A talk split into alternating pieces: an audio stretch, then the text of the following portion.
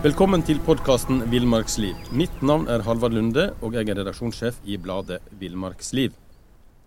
I dag kommer del to om Sølvkrukkens historie og om grunnleggeren Bjarne Sakariassen. I studio i dag sitter du, Kristin Sakariassen, som også er et barnebarn av Bjarne. Og din far, Kristian, han drev Sølvkroken i mange, mange år.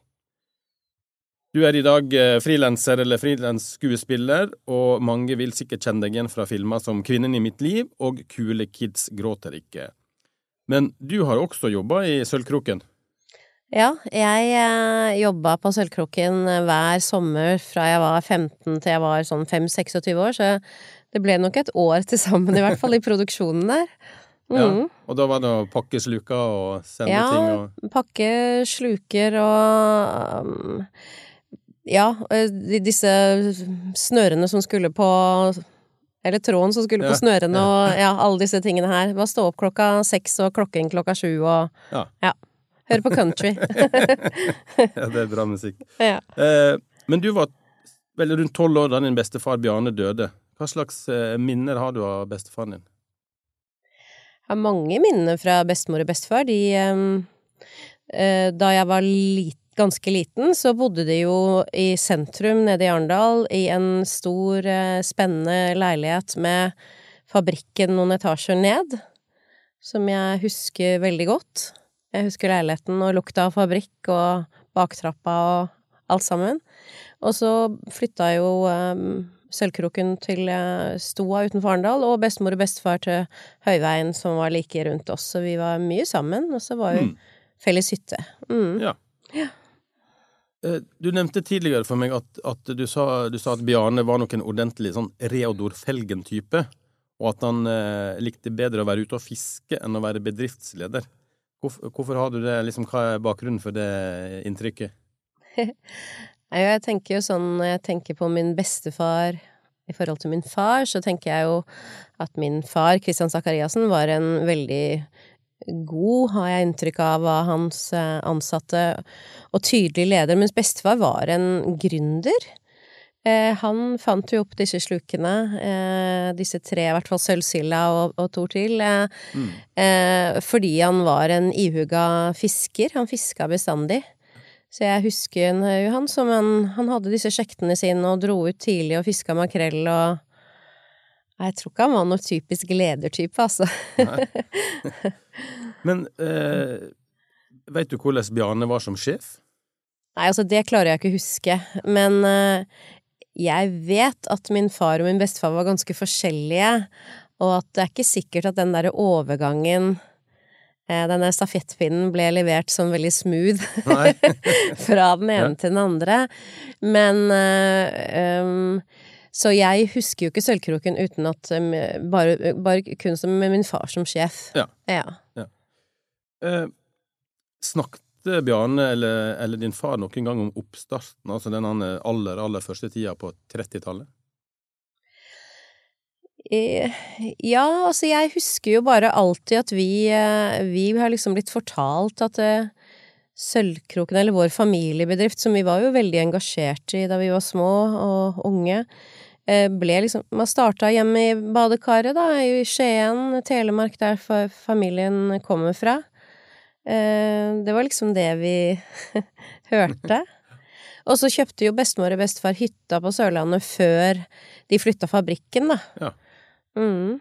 Vi hadde flere vennepar i, i Arendal, så de flyttet dit eh, da min far var 18 år. Litt om det der med Reodor Felgen-typen òg, men han, han, hadde jo ingen teknisk utdanning, sånn som jeg har i hvert fall funnet ut.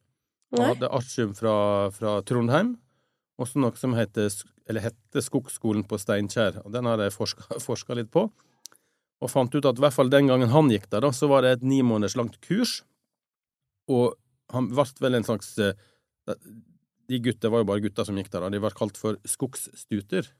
Ja. Og eh, blir vel eh, I dag ville vi kanskje kalt det skogstekniker. Og det vil si at en som kan en del om skogspleie og planting og hogst med mer. Eh, Veit vi noe mer om utdanninga til Bjarne? Han hadde jo ingen sånn ingeniørutdanning eller noe sånt? Nei, jeg tror det kan stemme veldig bra, og vi husker jo alltid at det, og bestemor og bestefar var veldig ganske forut for sin tid og litt sånn eksotiske, så de reiser blant annet en del til Afrika, da kom han alltid tilbake og hadde med seg sånne forskjellige kongler og sånn som han plantet. Mm. Så det kan det, det er det jeg alltid har blitt fortalt med bestefar, at han var en skogsmann, da. Mm. Mm. Men vet du om han, eh, du om han liksom brukte disse Reodor Felgen-genene sine til å ut... Altså jobba han med å utvikle produksjonsutstyret i fabrikken? Nei, det det vet jeg ikke noe om. Jeg husker Jeg kan så vidt se han for meg bak liksom en stor pult med den pipa si. Eh, at han var nok litt med gutta på gulvet òg, vil jeg tro. Han var jo ikke noe snobbete fyr. Det var ikke faren min heller. Veldig sånn nedpå, begge to. Mm. Ja. Mm. Men, men eh, i forrige episode så snakket vi litt om at han hadde reist til New York, eh, og vi tror det er 1924, men at han da var hjemme i hvert fall i 1927, for da både gifta han seg senere da fikk han eh, sin første datter. Da med, han gifta seg med Randi, din bestemor. Eh, og så går det jo den historien som vi snakket om sist, med at han, uh, han har vært med å bygge Empire State Building, men vi fikk liksom ikke årstallet helt til å stemme. da. Har du liksom, vet du litt om, eh, om oppholdet hans i New York? Nei, altså for da, da kan det hende at min fetter Bjarne arresterer meg, da. For det, det med Empire State Building, det, det mener jeg at jeg har snakket med min uh, nå avdøde onkel Erik, altså faren til fetteren min, Ja. om. Eh, som det var sånn at bestefar kom hjem, giftet seg, fikk to døtre, og så tok det ganske lang tid før de fikk min far, og man da dro tilbake til New York på de harde i 30-tallet. Det, det tør ikke jeg sette to streker under svaret Nei. på. Og så tenker jeg, Det snakket vi litt om sist òg, at det kan jo være at altså, Er det realistisk at de bygde Empire State Building på liksom eh, to små år den gangen? Det var jo, må jo ha vært et voldsomt grunnarbeid og masse, Ja, sikkert masse tømmerarbeid. Og det, det kunne han jo kanskje åpenbart noe om. Mm. Ja, ja.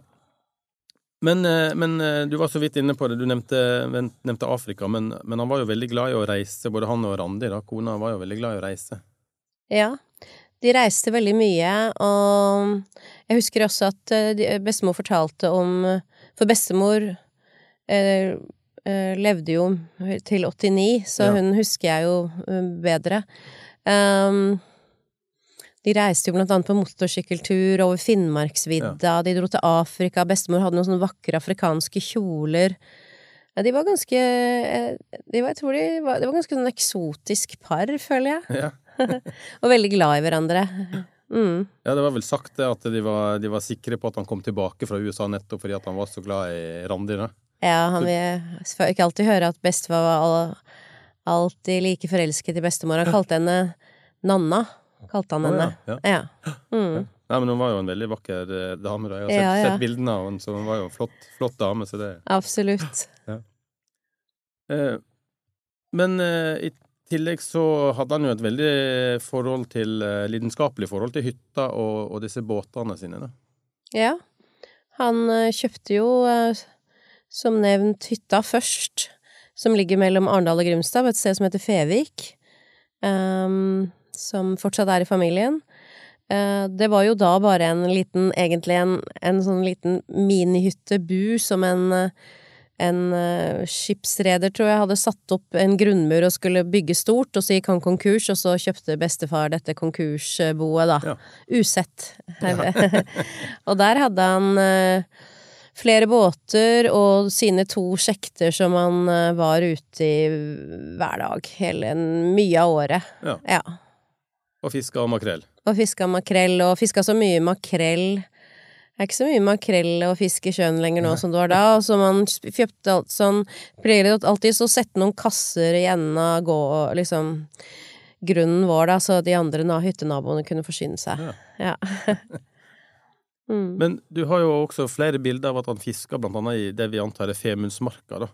Hva, Ja. vet, hva vet vi liksom om friluftslivet hans utenom eh, disse turene på, på hytta og i båten? Jeg tror rett og slett han var en veldig sånn friluftsmann. Mm. Eh, glad i å gå på ski, glad i å være ute, glad i å fiske. Eh, glad i å tørke fisk. Eh, han eh, kjøpte jeg- tror han også kjøpte et lite hotell ved Saltstraumen. Ja, det har jeg hørt rykter om. Ja. Jeg, jeg tror mine foreldre var der på bryllupsreise, for jeg husker at min mor var litt lei seg for min far fiska hele tiden. Ja. Men eh, Ja, så han, han var en sånn Han gjorde Han var ikke noe A4-fyr. Nei. Nei. er mange som drar på bryllupsreise til Saltstraumen.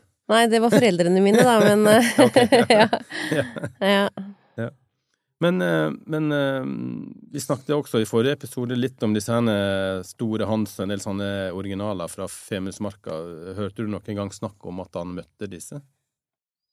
Nei, det husker jeg ikke noen ting om. Um, nei. Litt videre til din far. Det er jo sagt at han starta i bedrifta i veldig ung alder. Eh, når, når tid var det han ble aktiv i å drive Sølvkroken? Altså, så vidt jeg husker, så fordi bestemor og bestefar reiste så mye, så hørte jeg alltid at det første året, sommeren, som far var fungerende daglig leder, var den sommeren han var 19 år, eller han skulle sikkert bli 20 i Han hadde bursdag i september. Mm. Eh, så det var jo veldig tidlig, så man, man kan jo alltid se for seg Bestefar var jo en veldig sånn gründertype, mens faren min var en semi-gründertype. En mye mer Han satt jo i styret i NHO og Swix og Mm. Han var jo mye mer en business-type. Det var jo han som på en måte løftet uh, Sølvkroken opp og fram, da, må man vel kunne si. Ja. Mm. Ja, for det var jo han som tok liksom uh, Sølvkroken videre da, til å bli en moderne produksjon og handelsbedrift. Og, Ja, absolutt. ja. og din Mm. mor var jo også aktiv i selskapet. Ja, min mor var em, regnskapsfører og absolutt et eh, et veldig sånn ansikt utad. Eh, De dro jo alltid på messer i Europa og hadde også businesskontakter i Asia. Så vi hadde jo også et hjem med mye mye gjester fra hele verden, egentlig. Eh, Sånn businessfolk. Mm. Mm. Hvordan, hvordan var din far som sjef? Jeg tror eh, både som sjef og som fotballtrener i Grane, så i hvert fall når jeg møter de som jobbet på Sølvkroken før, og de som hadde han som fotballtrener, så tror jeg han var en veldig populær, rettferdig sjef. Jeg tror han var strengere som far, for å si det sånn. Eh, og så tror jeg også det var ganske uvanlig, han insisterte på å hete Christian, eller Kekkan. Ja. Det var ganske uvanlig på den tiden, for da brukte man jo fortsatt veldig ofte e- etternavn når Ja. man titulerte folk. Mm. Men, eh, men dette skiftet eh, liksom mellom, mellom Bjarne og, og Christian, din far, Mm. var det liksom eh, sånn clean cut, eller var det en gradvis overgang? Det var nok en gradvis overgang. Jeg tror nok at bestefar jobbet en stund i bedriften etter at far var blitt sjef. Mm. Uh, og så blir liksom feida nok det ut. Bestefar var jo ikke Han var sikkert innom litt sånn, da. Han ble jo ikke så veldig gammel, så eh, Jeg tror det var en sånn Det var bestemt at far skulle overta, men jeg tror ikke Det var nok Han, han var nok til stede, bestefar også. Mm. Ja. Vet du noe om han, liksom, hvilke arbeidsoppgaver han hadde? Var det å utvikle ting, eller bare Jeg, det- jeg eh, har noe sånn brev mellom de hjemme. Jeg, jeg lurer på om han også drev litt med forskjøllingen og sånt, at han var i selve produksjonen. Mm. Var det eh, Ja, i 1993 så ble jo Sølvkroken solgt til eh, Per Trone Holst, som, eh, som Freia-arvingen, eller eieren, var den gangen. Eh, var, det, var det noen gang aktuelt at noen av dere barna skulle ta over? Nei, det var ingen av oss som hadde spesielt lyst til det. Og nå kommer helt sikkert mine to søsken til å arrestere meg, men min far sa en gang til meg hvis det var noen som skulle overtatt, så måtte det ha vært deg, Kristin. Men det sa han jo bare til meg, da kanskje han sa det til de andre òg. ja. Det får, du vite nå. ja. Ja. Men, eh, men eh, eh, litt tilbake til, til, til denne her Egentlig grunnen til at vi sitter, er jo at denne Sølvkroken spesial nummer 40 har jo dukka opp som, som testvinner hos oss i Villmarksliv flere ganger. Og det var jo når jeg skulle grave litt i hvem det var som hadde funnet opp denne sluken og sånt, jeg fant ut, fant ut at han Bjarne Sakariassen visste jo egentlig ingenting, ingen så veldig mye om. Eh, men, eh, men hva du tenker at eh, han hadde sagt hvis han visste at sluken fortsatt, liksom nesten 100 år etter at han drev og forska den fram nede i Skien, at den fortsatt på en måte var aktuell og, og konkurransedyktig og, og vinner tester? Ja, det er jo helt fantastisk. Jeg blir jo veldig stolt på vegne av min familie og families bedrift, men Altså, bestefar var veldig nøktern, så jeg Ah, kanskje han hadde stoppa pipa si en gang til, liksom. ja. Men han hadde nok vært stolt. Men han hadde, det er ikke noe han hadde villet skrytt av. Nei, Nei. Nei, for han var, virka som han var en eh, litt sånn ja, Vi snakket litt om det sist òg, om ikke innadvendt, sånn stille og rolig type. Ja. da. Ja. Røykte pipe og Ja. Vi måtte alltid være, måtte være stille en gang i timen på hytta, for da skulle han høre på værmeldingen, selvfølgelig. Sånn fiske. Mm. Det han noe, Vi var litt inne på friluftslivet. Dreiv han noe med jakt og sånt? Det har jo diskutert vi i forrige episode uten at ja. vi helt konkluderte med det. da. Nei, det har jeg også tenkt på. Det er, jeg ikke sikker på. Nei. Om um... Nei, Bjarne, din bror, nevnte at han hadde et par jaktgevær, men han kunne mm. aldri huske at de var tatt ut av skapet. Nei, det stemmer det. Vi hadde noen av bestefars geværer, eh, ja, ja, det stemmer mens det. Din fetter mente jo kanskje at han hadde holdt på med noe jakt, elgjakt, eller kanskje til og med reinsjakt. da. Ja, det kan godt stemme, det, men det tør jeg ikke svare sånn sikkert på. Eh, jeg vet også at han, min mine foreldre ga han en sånn den gang veldig moderne, stor eh, oransje redningsvest med sånn fløyte, fordi at han en vinter så gikk han gjennom isen, han har vært ute på isfiske ute på hytta, så gikk han gjennom isen og holdt på å drukne. Ja. Så da fikk han en, denne kule, den gang kule, redningsvesten til jul, og da ble han jo bare rasende. Oh, ja. Nei, ville han aldri bruke. Nei. Men Bjarne døde jo i, i 1977. Mm. Da var han 75 år gammel, og mm. han hadde, fikk kreft, stemmer det? Ja. ja.